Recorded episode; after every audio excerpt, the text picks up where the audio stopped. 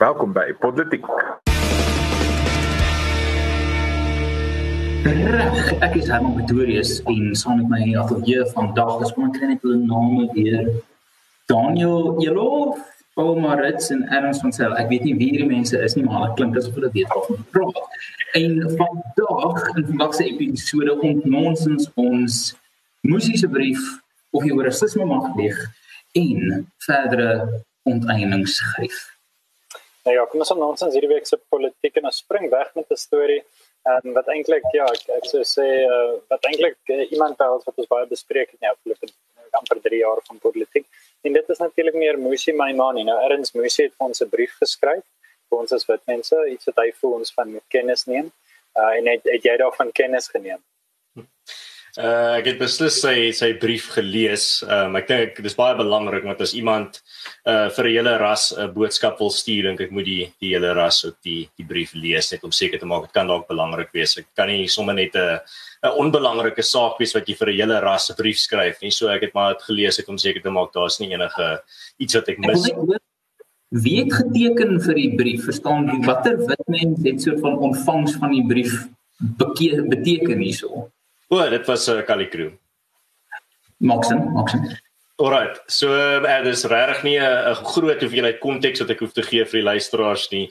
Moesie my manne vorige DA leier het 'n brief oop brief geskryf wat met die titel uh, Dear White People waarin hy uh, eintlik 'n hele ras, die hele wit ras in Suid-Afrika aangespreek het.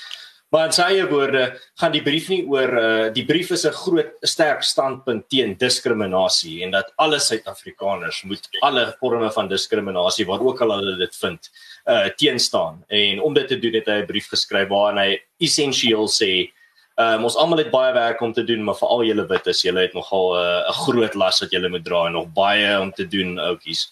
So dit was nie vir my 'n ongelooflike 'n uh, roerende brief nie. Ek ek het dit nou wel gelees want dit was vir my ek was nogal nuuskierig.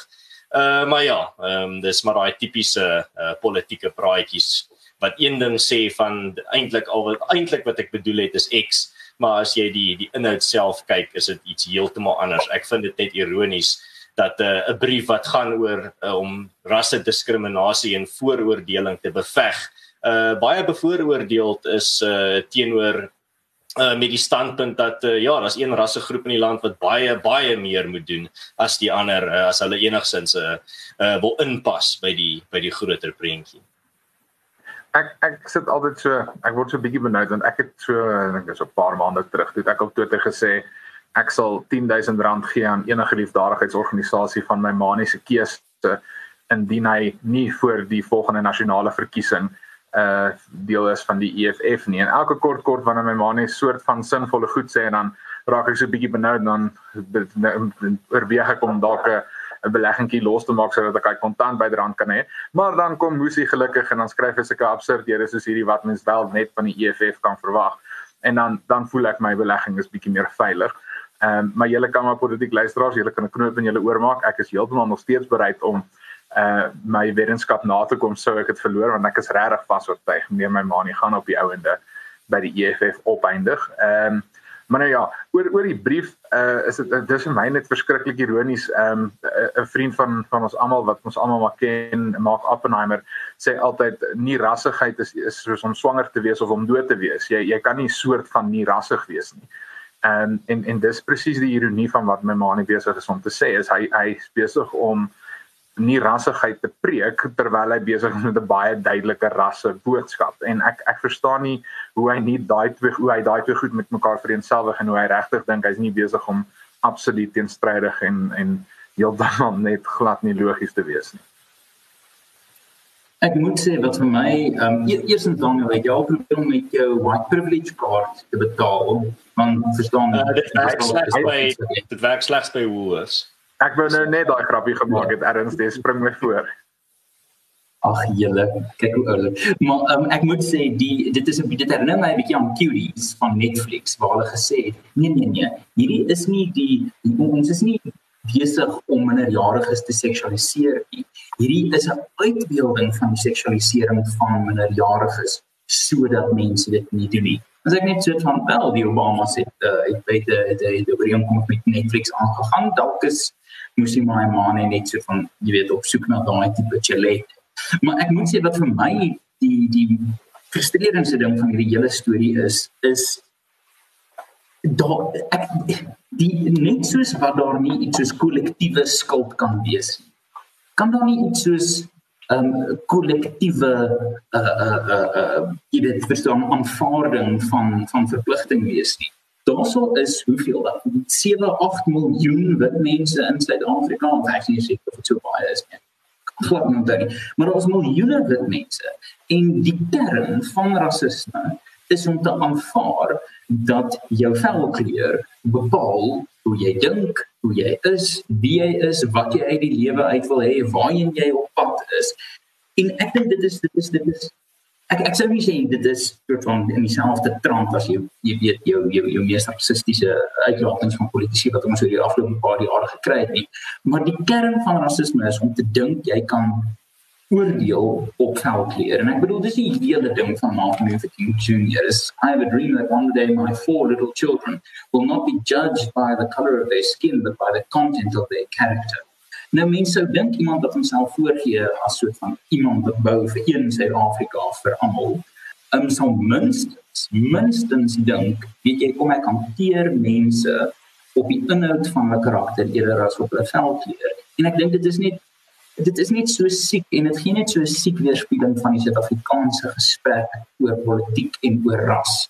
As mens dink daar is iets soos verstaan die wit gees of die swart gees. Verstaan jy ons is nie 'n klomp mure met 'n koningin iewers wat vir ons deur hormone opdragte gee om sit van by Woolworths organiese quinoa slaai te gaan koop nie hanteer mense soos individue, dan sal jy dalk iewers kom. En ek dink dis iets wat baie baie interessant is as mens kyk na politieke partye soos die Arbeidersparty in Brittanje. Hierdie is 'n party wat groot bohaai maak oor uh rasse minderhede jou etniese uh nie blank is as dit ware swart en deur kleuring.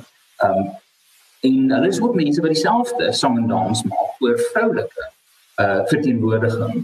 Maar die konservatiewe party wat eenvoudig net gegaan het, weet jy, ons ons kies mense op Meride, het al baie, het al 40 jaar gelede 'n vroulike leier gehad en gaan waarskynlik voor die arbeidersparty 'n leier hê wat nie wit is nie.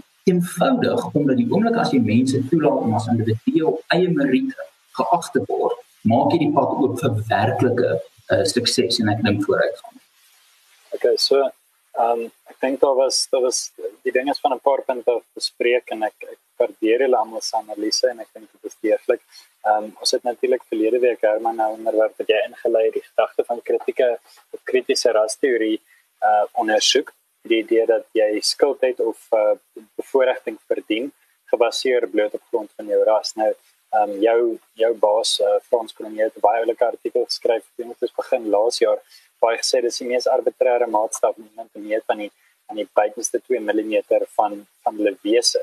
Ek stem saam dat jy weet kultuurgroepe ehm um, kan jy kan jy oor 'n gesprek voer, maar selfs dan moet jy die punt maak dat wanneer jy sê jy weet jy wil hele jy wil oor ja afpraat na hele ras, dan wil ek vir Musi vra sy vrou is van sy vrou is van Wallis afkoms ek reg. Sy vrou is wit.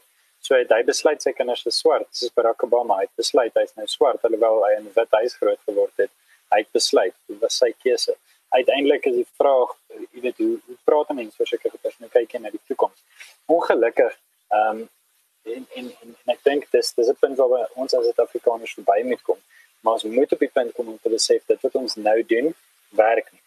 Ek praat baie keer op politiek van die 46 jaar. Ek het al gesê dat van die Sand Sandrivier uh, konvensie af tot na die ehm um, na die uh, tweede Anglo-Boereoorlog was 47 jaar, nie wat 46 nie, maar 47 van die uh, vrede van vereniging af tot met 1948 was 46 jaar en van 48 tot 94 was 46 jaar. So jy sien nie die tipiese periode van tyd wat homself weerspieël en, en as ons nou spesifiek kyk ons is 26 jaar in.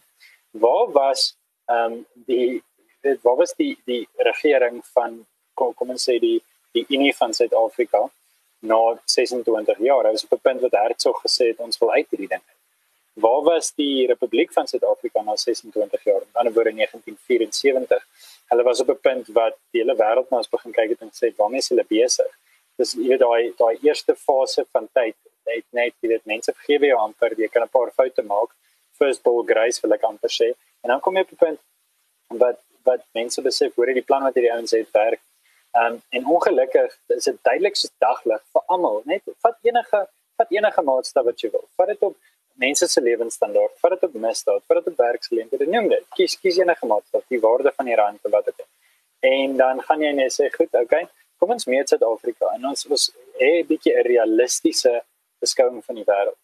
Ehm um, ek dink idealisme het lankal gegaan, die ideaal van wat Suid-Afrika moes wees onder Mandela is lankal weg. Ehm um, ek het ek het hierdie week in, in 'n nuuskommentaar wat ek geskryf het vir Pretoria FM met ekselfde punt gemaak. Ek sê ons moet op 'n punt kom om te besef ehm um, dat dit nie werk nie. Want eers as ons dit gaan besef, dis miskien maar soos dwelmverslaafde. Ons is verslaaf aan die ANC op hierdie stadium as 'n land. En selfs mense wat sê hulle is nie, selfs Musi Maimane, hy bou die Mandela droom uit. Die droom het aankom dood. So wel, dit kom mense wat niemand meer van oortuig is nie. Dis ek kan sê dit is dood. Dit ten minste in my lewe sien ek. So ehm um, uiteindelik dink ek Maimane probeer relevant bly en miskien gaan hy 'n bietjie stemme kry. Maar hy het geen idee waaroor Suid-Afrika gaan. As hy dink dat uh, om wit mense aan te spreek, wit mense hulle met 'n swaarder las dra, okay? So totaal homself dood aan belasting en addisionele sekuriteit en ons lewer ons eie privaat staatsdienste maar goed. En dan nog nog ding. Dis dis absurd en is net nie gefundeer in die realiteit. Ek kan seker vir ewig daar afgaan, maar miskien ek maar daar stop. Ja. En ek dink hieso is hierdie uh, is nou eintlik baie baie relevant as jy terugdink aan ons gesprek by die vorige episode van kritiese rasteorie van wat ons hierso sien is daai presiese logika. Die hele logika van kritieke rasteorie is hoekom ons al dokumentêre boeke, uh oop briewe kry almal met hierdie selfde tema van dear white people, uh open letter to white people. Al die aanspreking van wit mense in terme van my julle moet beter doen. Julle is besig om 'n uh, slak te wees. Julle is nie besig om uh regtig julle kant te bring. Dit is altyd die tema, altyd. Daar's nooit enige nuance aan dit. Daar's nooit 'n vars uh, uitkyk nie. Soos ek kon al klaar weet wat die inhoud van hierdie brief gaan wees voor wie gaan wees voordat ek dit gelees het, maar ek het nog steeds uh dit gelees want ek het geweet ons gaan op politiek daaroor praat. En, en soos ek gesê het, as ek aangespreek word uh as 'n kollektief uh, is ek altyd bietjie nuuskierig oor oor wat vir my gesê word of wat vir my gevra word. Maar ek dink hierdie is die is die kern van dit. As dit kom by hierdie kritieke ras teorie uitkyk op die wêreld. Um ek kan net uit my ondervinding praat uh, deur die uh deur die publieke skoolstelsel uh om daardeur te gaan in terme van hoe uh wel die die subtiele jabs en aanvalle op wit mense wat daar is in amper elke vak in lewensoriëntering en geskiedenis oral is dit maar julle is die skurke van geskiedenis. Uh en niemand vind dit vreemd nie. Niemand sê ooit maar Jesus, is daar nie miskien 'n bietjie meer van nuance manier om na die geskiedenis te kyk as net 'n storie van goeie ouens en slegte ouens nie. Um en dit is wat vir my regtig uitstaan in terme van hierdie logika van meneer Mayamane ook is die feit dat hy is 'n produk daarvan. Hy is 'n produk van hierdie zeitgeist waar dit oukei okay is om een rassegroep aan te spreek of een rassegroep heeltyd aan te val terwyl jy nog steeds onder die banier loop van nie rassigheid en sê wat dit is progressief of hierdie is die toekoms. Uh wel as dit so aangaan is die toekoms waar uh, wit mense is die toekoms volgens my Mane en mense soos hy se logika 'n toekoms waar wit mense elke maand een keer in die straat moet afloop as 'n geheel uh hulle klere skeer en as op hulle kop gooi en skree en uh vra en smeek vir vergifnis uh nie vir iets wat hulle gedoen het nie. En nie eers iets wat hulle ouers noodwendig gedoen het nie maar vir iets wat mense wat soos hulle gelyk het in die verlede gedoen het. En ek dink dit is waar die so baie keer gebruik mense die metafoor van uh hierdie is dieselfde logika as die sondes van die vader wat oorgedra word aan die seun.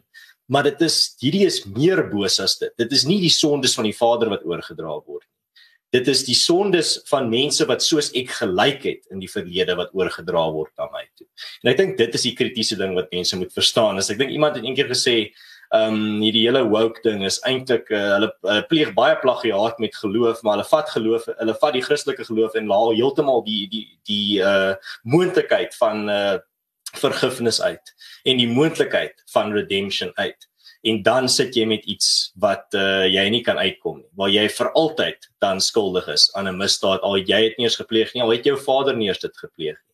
Um, en ek dink dis iets wat mense moet teen opstaan, hierdie feit dat dit is nie eers dat hulle want baie mense sien dit wel baie mense word in 'n hoek gedruk waar hulle dan voel, maar dis iets wat ek verkeerd gedoen het en ek kan verstaan die mense is so gemaak dat as jy in 'n gemeenskap leef en 'n groot gedeelte van die gemeenskap sê vir jou maar jy het iets verkeerd gedoen of hanteer jy asof jy iets verkeerd gedoen het, dan sê die agterkant van jou kop maar dalk het ek iets verkeerd gedoen en dan begin jy so dink. Maar mense moet begin deur hierdie sien en sien dat dit is absoluut snert en daar's geen basis vir dit nie behalwe dat en dit is nie almal wat dit glo nie as baie mense wat dit glo net omdat dit die inding is maar daar's mense slim mense wat agter hierdie sit wat dit druk akademici joernaliste mense in die kommentariat wat regtig haat het vir wit mense wat regtig dink dat hier daar's dat wit mense is inherënt moreel minderwaardig teenoor ander groepe. En dit is die groot verskil wat ek dink mense moet begin uitlig is dat regtig hierdie is onaanvaarbaar te in watter wêreld kan jy as jy iemand is met Musi Mayamane se platform nie regtig meer uh baie groei nie. Um as jy iemand is met so 'n platform waar jy so arrogant kan wees as om 'n brief te skryf wat geadresseer is aan 'n hele rassegroep. Ek bedoel, jy het nie eens dit gesien onder die vorige bedeling nie. Ek moet sê die daar's die daar's ons drie moontlike reaksies op hierdie kritiese rasteorie. Of ons kan daar inkoop of ons kan dit verwerp of daar kan 'n teenreaksie op wees en ek is bang vir die teenreaksie. Want die teenreaksie is maar net 'n swaai van die slagoffer pendulum. Ek dink mense moet regtig inkoop in die in die konsep van verwerp net onnoosheid want dis ek dink ons gaan 'n soortgelyke ding sien met sogenaamde toxic masculinity is daar's daar's nou 'n generasie van seuns wat groot gemaak word as verkragters. En wat daar vir hulle gesê word jy is 'n verkragter en verstaan jy is boos en jy is verstaan jy is hierdie. En ons moenie verbaas wees as ons dan 'n uitsonderlike chauvinistiese en dalk verstaan lelike woord opgeneukte 'n generasie sien wat of inkoop en sê o, oh, ek's 'n verkragter, verstaan, ek kan nie 'n man wees nie, ek kan nie enigsins 'n rol speel in 'n samelewing nie, want verstaan ook gits net nou druk ek my genitalie aan iemand wat nie wil nie.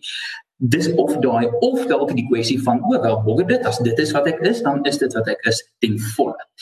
So die die die kwessie is en ek wil hiermee afsluit. Daar's ons 'n wonderlike aanhaling waarmee um uh, John Roberts is sy uitspraak in die saak van parents involved in community school in die Seattle School District afgesluit het. The way to stop discrimination on the basis of race is to stop discriminating on the basis of race. Dis dit is regtig so eenvoudig soos dit. Dit is presies wat ek gesê het aanvanklik dat nie rassigheid kan nie soort van geskied of op 'n behalwe manier geskied nie. Maar goed, uh, kom ons beweeg aan na die tweede onderwerp van vandag se gesprek en uh, dis eintlik maar net 'n bietjie van 'n verdere uitbreiding oor die, die hele uitwerking van hierdie kritiese rasteorie in ons postmoderne wêreld wat ons oomblik sien. Uh, maar daarom is daar 'n bietjie organisasies en groepe wat besig is om terug te veg en bietjie sukses te behaal in in hierdie verband. Paulus, het jy vir ons meer? Okay, so, ehm um, ek wil agtergrond gee. Natuurlik Frans Suid-Afrika baie van die raskaart, nee, jy kan net die raskaart speel en dan kry wat jy wil hê. Ehm um, Jacob Zuma byvoorbeeld uh, in in verweer op die wapenskandaal op die stadium het hy gesê ja, maar dit sê jy weet kultuur en ras en seker goed moet 'n rol speel. Dis 'n benadering wat daar is. En toe in 2017 ehm um, het 'n uh, het 'n polisievrou uh, van Klerksdorp, uh, luitenant-kolonel Annelie Oosthuizen het uh, het 'n klag ingedien teen twee van haar kollegas wat uh, wat sonder rede nie werk toe gekom het nie en hulle het daartoe daarvan beskuldig dat sy hulle die K-woord toegesnou het. Hulle het verskeie ander goed gesê en uh, sy het besluit sy gaan dit nie vat nie. Ons kan jy weet wel gedaan aan haar. Ons het eintlik al politiek dink verlede jaar erns ook oor hierdie saak gepraat toe dit nou gevorder het. Ek dink toe hulle skuldig bevind is, maar die vonnisoplegging het nou plaasgevind. En ehm um, Hierdie twee uh, adjutant offisiere, Sedisa Tekoe en Chris Mapana, het uh, het onderskeidelik 8 en 7 jaar uh, tronkstraf gekry en hulle het 'n uh, stywe boete gekry. Um hulle baie van dit is nou natuurlik opgeskoor. Ek dink nie te veel ingaan op die straf wat hulle uiteindelik um, moet dra nie. Die punt vir my wat vir my baie sterker staan is die gedagte dat jy um dat jy werklik vir moet terug terugdruk teen onregmatige druk wat op jou geplaas word. Ons kan hierdie metafoor op soveel plekke neersit. om te sê dat 'n arm kind nie finansiële hulp mag kry nie omdat hy wit is. Om te sê dat jy moet dit net vat wanneer daar ek dink in die vorige onderwerp het gesê wanneer daar na mans verwys word al alle mans is verkragter en as ek dit goed gesê word kan jy dit nie net vat nie. Dis natuurlik 'n manier hoe mense opstaan jy kan ordelik wees en jou eie beginsels handhaaf. En ek dink dit sê ons van die begin af op politiek. Maar kom maar net oor hoofs ehm um, die punt maak dat ehm um, dat dit vir my ontsettend indrukwekkend is dat daar voor opstaan word natuurlik solidariteit wat vir ek werk. So ek weet al lankal van die saak en dit kom al jare en dit is wat ons doen elke dag is vir ons baie belangrik. Maar ehm um, vir uh, Luitenant Kolonel Oosthuizen om te gaan en te sê ek gaan dit nie los nie. Ek gaan nie net dit vat nie. Dit sê baie vir haar en ek dink ek kom net daarvoor. Dis ongelukkig ek ek sien dit in in die beroep ook op die oomblik en um, dat daar hier dis 'n 'n lekker ding om te doen. Dit gebeur veral in die platteland. Uh, ek weet dit gebeur op plaas plase nogals gereeld dat die werkers gaan na boere toe en dan hardloop hulle na die menseregte kommissie toe en sê maar hulle is allerhande goed toegesnou deur die plaas eienaar. Ehm um, en ons advies aan baie van die kliënte en ons is al met 'n hele paar van my sake besig is presies om te doen wat solidariteit nou hiermee gedoen het. Klagtes van kriminele juria te gaan lê of om 'n laster eis natuurlik uh in te stel en en te sê wel die punt is hierdie is 'n besvalse beskuldigings dit uh, tas my reputasie aan en julle is besig om om vir my skade te veroorsaak deur hierdie uh, valse aantuigings. Die die hartseer net vir my is is dat ons op 'n punt is dat dit dit amper nodig is bloot omdat een individu 'n bewering maak dat jy nou deur 'n hele hofproses moet gaan net om jou goeie naam te beskerm. En uh, dit, dit sekerlik moet ons as 'n samelewing nie net glo as een mens 'n beskuldiging maak as dit nou ewe skielik genoeg ehm um, rede om om te glo wat daai mense hulle van beskuldig nie, maar ongelukkig leef ons in hierdie verskriklike uh verpolitiseerde en rasbehepte land en samelewing dat mense moet nou begin terugveg soos wat solidariteit teruggeveg het en soos baie ander mense moet terugveg. Ehm um, en dit is nou maar ongelukkige geval van veg 4 met 4 as ons bly in 'n land waar mense vir uh, hulle spraak tronk toe nou gestuur word. Ehm um, en ongelukkig moet jy nou maar dieselfde aan, aan die ander kant doen wanneer dit regtig 'n uh, skade maak aan jou reputasie en aan jou goeie naam. Hmm. Uh en wat ook baie belangrik hierso is, ek dink dit is hoe mens terugveg. Uh, ek stem 100% saam dat ons moet terugveg. Maar soos enige advokaat of re of regskenner vir jou gaan sê, die reg word of die, die uitsprake word bepaal deur presidente wat geskep word en vorige sake. En ek dink hierdie saak is baie belangrik in daai manier dat dit het nou 'n president geskep waar mense eerstens die publiek kan sien jy kan iemand hof toe vat as uh, hulle jou uh, valslik beskuldig van 'n rasis is. En tweedens, as dan nou weer so 'n saak oopgemaak word, gaan hierdie saak gebruik word uh, as 'n voorbeeld en as 'n uh, steuning uh, vir wat ook al uitspraak daar gegee word. So ek dink hoe ons terugveg is grootliks dat ons moet begin presidente soos hierdie skep en al hoe meer uh, presidente skep om die uh, die toekoms van reg in Suid-Afrika uh, te bepaal. Ja, nee, ek moet sê ek uh, vra om verskoning as dit klink asof ek soort van in die badkamer is. Eerstens daar so 'n ego, tweedens die spreers het nou net aangegaan so die kombinasie. Jy's maar net uh, jy's maar net in 'n ego kamer, uh Herman. Ja, nee, ek moet sê dis dis die die die kritiek is eintlik waar. Um ek iets iets wat ek baie vinnig wil sê is ek dink waar my uh, Frans hier van kyk ek het ongelooflike bewondering vir Frans. Hy's hy's genuinely 'n uh, 'n ongelooflike denker en 'n ongelooflike man. En een van die goeders wat hy oor en oor na toe terugkom, is die klimaat van opinie. Nou dit is baie soortgelyk aan die Overton window, maar dis amper asof die klimaat van opinie binne die Overton window die swarte punt is. Die Overton window is net toelaatbaarheid. Die klimaat van opinie is waar daai swarte punt binne die spektrum van toelaatbaarheid val. En ek dink dit is wat um, wat hier regtig uh, kan kan kan kan voortree is dit is ons werk um nie ons vier wat hier sit nie. Wel toevallig is dit ons werk. Ons kry geld daarvoor. Maar dit is die verpligting van elke Suid-Afrikaner om deel te neem aan die vorming van die klimaat van opinie. Dit is nie goed genoeg om dit te outsource of om te sê weet jy iemand anders is besig om hierdie te doen. Die ERR Afriforum Solidariteit is besig om iets te doen. Nie, man. Om dan eie boesem steek soos die die die en en en hoe wel begin deur deur van 'n brief na die na die plaaslike koerant te skryf of begin deur 'n afspraak te maak met een of ander plaaslike politiek politicus. Die die ding is net die klimaat van opinie is iets wat verander kan word en dit is iets wat verander moet word. En om af te sluit my uh, aandeel hierso is ek dink dit was Reagan wat gesê het dat vryheid is net een generasie weg van uitsterf. 'n Fout wat ek dink ons maak is om te dink dat die die natuurlike toestand van vryheid en stabiliteit en dat verstaan as sulke onstuimighede kom dan is dit vir ons 'n afwyking van die norm. Ek dink ons moet daai wakker skrik. Die prys van vryheid is konstante waaksaamheid. Nou ja, ek uh, ek dink om hier gedagte hierso saam te vat, dis dis goeie nuus en hopelik skep dit tog 'n beginsel. Ek kry ek kry baie keer die idee dat mense wat in Suid-Afrika hierdie tipe kanse vat. Jy weet, jy wil nie jou werk doen nie, jy daag nie op vir werk nie en wanneer iemand jou beskuldig van jy meer hulle maar net eh, dan sê hulle dat jy rassisties aange aangerand wat ek al. Mense wat dit doen is in baie gevalle lafaards en 'n lafaard skrik vinnig. So uh hopelik het hierdie hofsaak daai effek. Uiteindelik kan Suid-Afrika net vorentoe gaan op basis van integriteit en mense wat absolute bespotting maak van die reg, soos wat hierdie twee wel polisie manne skrik eintlik dit wat hulle gedoen het, maak maar 'n bespotting van die reg. Ehm um, nou goed, miskien iets anders wat 'n bespotting van die reg maak wat ons derde besprekingspunt van vandag is, is die gedagte van onteiening. Natuurlik weet ons dat eiendomsreg die basis is van enige logika. Maar goed, ehm um, onteiening klink soos 'n goeie idee vir die ANC. Ehm uh, ek is nie te verbaas daardeur nie. Maar uh, Herman, jy's jy's iemand wat redelik lees oor die goeders, miskien moet jy praat voordat ek iets sê wat ons almal in die moeilikheid laat beland. Uh, ja, nee, kyk wel, dit is dit is 'n goeie beginsel wat jy daar noem. Ehm um, die die die uh, onteieningskwessie waaroor ek hier wil praat, ek sien ons is al reeds by 27 minute, so ons hoef nie te lank hierop voort te boer nie. Eh, uh, boer grappie. Is die kwessie van uh die uh, Toko Didiza, die minister van van landbou en landelike ontwikkeling wat so maand gelede met groot fanfare 'n plan aangekondig het hulle 700 000 hektaar, amper 900 plase gaan beskikbaar stel as deel van grondhervorming. Hulle gaan as deel van landelike ontwikkeling en landbouontwikkeling van hierdie grond beskikbaar stel net van gaaf wees en van dit goed wees.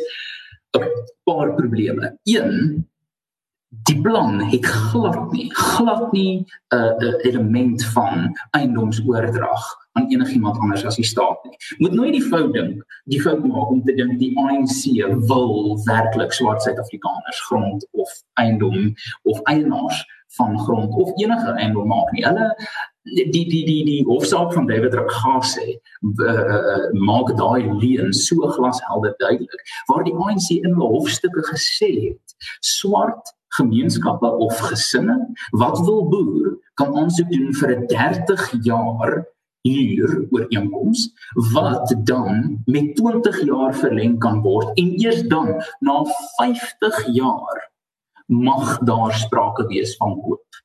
Dan so hierdie idee dat uh, dat dat die ANC is op hierdie hierdie morele uh, uh, kruistog uit om om swart mense die eienaars van grond of eiendom hierdie land te maak is absoluut nie. En hierdie plan van Toko Bediza maak dit duidelik nie 'n enkele stukkie grond is oorhandig vir vir vir die eienaarskap van enigiemand behalwe die staat nie. En Dit wil voorkom asof 'n derde van hierdie 700 000 hektaar reeds bewoon en bewerk word onder andere David Rakgase se plaas. So die die die die kruks hier is vir my net so bizar dat die ideologiese onderrok wys nie meer. Die verstaan daar is nie meer 'n buiterok hier te dra nie. Die die die feit is die ANC is nie is nie op soek na oplossings of of die skep van 'n van van 'n eiendoms wat dit 'n property owning demokrasie. Dit is 'n mite. En ons praat baie van busting the myth van dit en dat. Nee, dis net 'n bietjie tyd vir busting the myth dat die ANC enigsins swart mense of enigiemand wil bemagtig. Hulle het net een ding wat hulle wil bemagtig en dis die staat en ek dink die COVID-19 kwessie en hierdie weet jy let op na die tendense. Nasionaal Demokratiese Revolusie oor en oor en oor en oor. Nou ja, ek eh, dit lyk vir my asof ek uh asof ek so 'n bietjie die ek wou amper sê die laaste woord hier op het nog net so 'n bietjie praat oor natuurlik die groot gebeurtenis aan die Atlantiese Oseaan komende Dinsdag. Ehm um, maar wat ek wel wil sê Herman is ek het onlangs in voorbereiding vir 'n ekonom ekonomiese filosofie um vraestel het ons Hayek en Marx gedoen natuurlik as one does baie baie insiggewend geweest en um het ek 'n lesing van professor Josef Salerno gekyk uh van die Mises Instituut in, in Amerika. Baie interessante ding sê hy. Het gesê Marx se benadering daar was kyk daar was daai tyd was al hierdie wat jy noem sosialistiese utopiese denkers jy weet ouens soos Charles Fourier wat gepraat het van ons gaan die wêreld indeel in hierdie 1600 mensgroepies en elkeen gaan 500 hektaar kry en jy gaan 3 kwart van jou tyd spandeer um besig om liefde te maak en daar gaan 8 maande wees in plaas van een regtig mense die goed geglo. Hoe gaan Marx en hy sê nee nee, hy praat van wetenskaplike sosialisme. So hy hy assosieer nie met hulle nie. Maar toe gaan hy en hy het hierdie geniale stap um en wat Salerno sê is hy het basies gedoen wat Fight Club wat Tyler Durden se eerste reël was. Hy het nie gepraat oor sosialisme nie, hy het kapitalisme gekritiseer. So das kapitaal, die Communist Manifesto, al daai goeie sê eintlik net vir jou wat werk nie met kapitaal nie. En ek meen Adam Smith sê al alles werk nie met kapitaal nie. Geen kapitalis het gedink alles werk nie. Anders sou daar nie soos ekonom wees nie. Ons sou net dit gevat het wat daar staan. En jy weet, dis is ons gaan nie nog iemand kry wat die evangelie skryf nie want die vier wat geskryf is is cool. Ons is reg met hulle. Ons kort nie verbetering verstaan maar ekonomie het ja, ons konstant jy as jy praat van kapitalis en kapitalisme is jy besig om Marx se woorde te gebruik. Ja presies nê nee? so ek meen uiteindelik um, wat wat ons nou mee sit is 'n regering wat 'n uh, stelsel wil bou gebaseer op kritiek. So met ander woorde as jy vir die ANC vra wat wil hulle doen dan sê hulle wel ons wil nie kapitalisme hê nie. Okay goed dis in die negatief. Wat is dit wat jy wil doen? Want jy is besig om Mercedes te koop by Duitsland. Uh, jy is besig om almal plase te koop. Uh, jy is besig om almal beeste te koop. Dit lyk vir my asof jy 'n produksiemiddels koop, Karels. Dit nie, is net hoe dit ding vir my lyk. Ehm um, so jy sit met hierdie ding van jy jy weet um, ek net ek wil afsluit met hierdie punt dan kan ons kyk oor Amerika praat maar Jean-Baptiste Aristide van Haiti is op 'n stadium gewelddadig uit sy pos uit verwyder en toe kom hy op 'n onderhoud en sy Engels is baie goed nie. Vra die Engelse nuuskanaal van wat moet nou gebeur in Haiti? Toe sê daai rebelle wat my weggevat het, hulle moet weggaan en ek ek moet terugkom. Jy weet, dit was sy plan. Dit was sy hele plan. En um, ek dink die ANC is op baie punt. Kapitalisme is sleg, maar maar ons hou daarvan as dit vir ons is. Of kom ons sluit ons hmm. by die punt af. Daniel, ehm um, jy sê the Donald en is en Sleepy Creepy Joe vat mekaar Dinsdag aan. Uh en uh, ek ek weet Amerikaanse politiek is vir jou groot liefde. Jy het ook tyd in Washington spandeer as student. Hoe lees jy die storie en wat dink jy gaan gebeur? Ja, wel uh, dalk net vinnig in die gees van uh, die wonderlike kapitalisme in die Verenigde State wil ek net vir ons luisteraars herinner om graag politiek te ondersteun. Koop vir ons 'n lekker koppie koffie. As jy hou van wat ons doen hier by Politiek, sal dit ons help om op te sorg dat ons elke week se nuus vir jou kan ontnonsens. Nou ja, uh hier aan die sterkant van vandag se gesprek wil ek vir julle drie manne vra. Uh ek het 'n lekker bottel whisky daar in my kas wat ek gewen het vir die mees volledige golf dag, uh mees volledige golftelling wat ek behaal het by die solidariteit beweging golfdag. Ehm um, so ek is bereid om daai lekker bottel whisky uh hier op die spel te plaas en dan gaan ek vir julle vra om vir my te sê wat dink julle gaan gebeur in die komende verkiesing? Ek dink ons moet dit dalk vasmaak om te sê kom ons praat oor hoe met hoeveel elektorale as wat se electoral college stemme gaan wie wen. Ek dink dis dalk maar net die regverdigste manier. Ek dink jy ons moet eers praat oor die nasionale ehm um, syfer nie. So kom ons praat 'n bietjie daaroor. Uh, kom ons begin by Herman. Hoe ver dink jy gaan wie wen? Ek moet myself net gou aan. Herman, uh, Herman wil gou what is electoral college? die ek het visie die oor waarvan hy praat. Ehm um, die wel ek ek wil net gou eers die net die net die telling van die electoral college hier so kry van hoe ek dink dit gaan jy my tragies onkant gevang. Ehm um, okay, ek dink uh Biden ehm um, 290 en Trump wel wat die res ja die res. Okay, so 290 vir Biden. Goed. Paulus. Okay, skus ek net seker maak Sherman, jy sê 290 en dan beteken dit vir Trump 278, nie 200 wat die totaal is is 568 ja ja ja ja 5 nee dis dis 538 is die totaal so 290 vir Biden en die res 248 248 dis ja. 290 vir Biden 248 totaal nou, dit jy ek gaan vir jou so sê nee eerlikwaar 28 Oktober 2016 het mense nie eers soveel van 'n kans vir Trump gegee nie. Ehm um, ek weet wat almal sê is dat meer mense nou oor afstand gestem het en dat meer demokrate hierdie keer gestem het as wat laas gestem het. En dat nou al iets 80 mense oor af 80 miljoen mense oor afstand gestem en baie van hulle is demokrate. Terselfdertyd baie mense wat in Amerika woon sê dat die ondersteuning vir Trump eintlik toegeneem. So uiteindelik ehm um, is dit vir my ek ek moet eerlik dis Daniel dis nie dis nie dat ek nie raaiskoot wil waag nie ek sal een waag maar ek moet eerlik wees die dis Amerikaanse verkiesings is 'n bietjie soos Covid ek is 'n bietjie oor dit. Ehm um, so ek dink ek dink ek gaan vir eerlik sê ek dink Trump gaan wen want ek dink weer eens westerse media voer alles wat ons lees en Herman eerlikwaar wat het jy gesê 28 Oktober 2016 so dis dan mens moet ook maar dit in ag neem.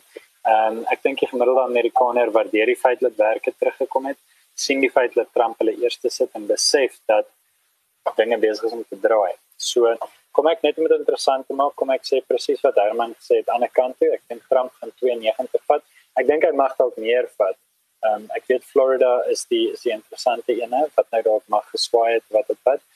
Ek geen nie te veel om as ek dit nie kry nie, maar ehm um, uh 290 vir Trump en dan 248 vir vir Biden dink ek klink vir my realisties. Ek dink wat mense ook moet onthou is ehm um, Hillary Clinton was eerlikwaar 'n beter kandidaat as Biden is. Ons moet dit ook net onthou. Hmm. Beter spreker ten minste. Hmm. Uh alright, so ek gaan net uh, van die begin af sê uh, ek die electoral college is vir my heeltemal te veel faktore in terme van die klein hoeveelhede nommertjies en alles wat gaan tel. So ek gaan nou nie 'n voorspelling maak in terme van die presiese hoeveelheid wat een of ander gaan mee wen nie, maar ek gaan 'n meer spesifieke voorspelling maak om daarvoor op te maak. My voorspelling is Donald Trump gaan op die aand van die verkiesing voorloop en die 'n ma maand of 3 weke later as al die uh die geposte uh stemme getel is, uh gaan Biden wen. OK, uh dis interessant uh, van my kant af. Uh, ek het vroeër die week so 'n bietjie gespeel op daai oulike webtuiste 2702 win en ek dink ek het uitgekom op 309 vir Biden 223 vir Donald Trump. Ek dink julle mag wel dink ek's 'n verraaier, maar ek dink eerlik dis wat gaan gebeur. Ek ehm um, ek ek dink uh, ons het 'n jaar terug gesê die enigste ding wat Donald Trump gaan keer om 'n tweede termyn te kry is 'n absolute enorme ekonomiese ramp en dit is ongelukkig wat COVID vir hom veroorsaak het en ek dink Biden gaan ongelukkig goed doen. Uh, ek ek's nie noodwendig seker wat gaan gebeur met die mail-in stemme nie, maar nou ja, dit is my voorspelling en ons sal kyk of ek daai bottle whisky bou en of een van julle drie manne gaan kan spog met daai heerlike Johnny Walker 12 ja, jaar. Uh, paar weer. Ek moet miskien net 'n voetnota by my by my voorspelling sit en dit is dat my voorspelling word gebaseer op my ondervinding in die Suid-Afrikaanse demokrasie uh en dit spesifiek hoekom ek na daai daai inposstemme uh die die groot uh ehm um, hooffaktor maak in my voorspelling. Nee, so dis net so net ek net ek bedink Trump gaan nog president wees vir nog 'n termyn. Ja, jy ja. Ewige optimis Paulus. Maar goed, Uh op daai noot, uh soos Donald Trump se eerste termyn uh dalk ook moontlik verby is, is hierdie episode van Politiek vir nou verby. Ons nooi jou as luisteraar uit om self bietjie te ontnonsens, sit die gesprek voort in die kommentaarafdeling. Ons waardeer al die luisteraars wat elke week regstreeks inskakel en saam met ons in die kommentaarafdeling gesels en die week se nuus ontnonsens. As jy hou van wat ons doen, koop ons 'n koffie of ondersteun vir ons op Patreon en uh gee ons ook 'n uh, bietjie los ons resensie op Apple Podcasts of waar ook al jy jou weeklikse uh dosis van politiek ontvang en ons sien jou dan weer volgende week.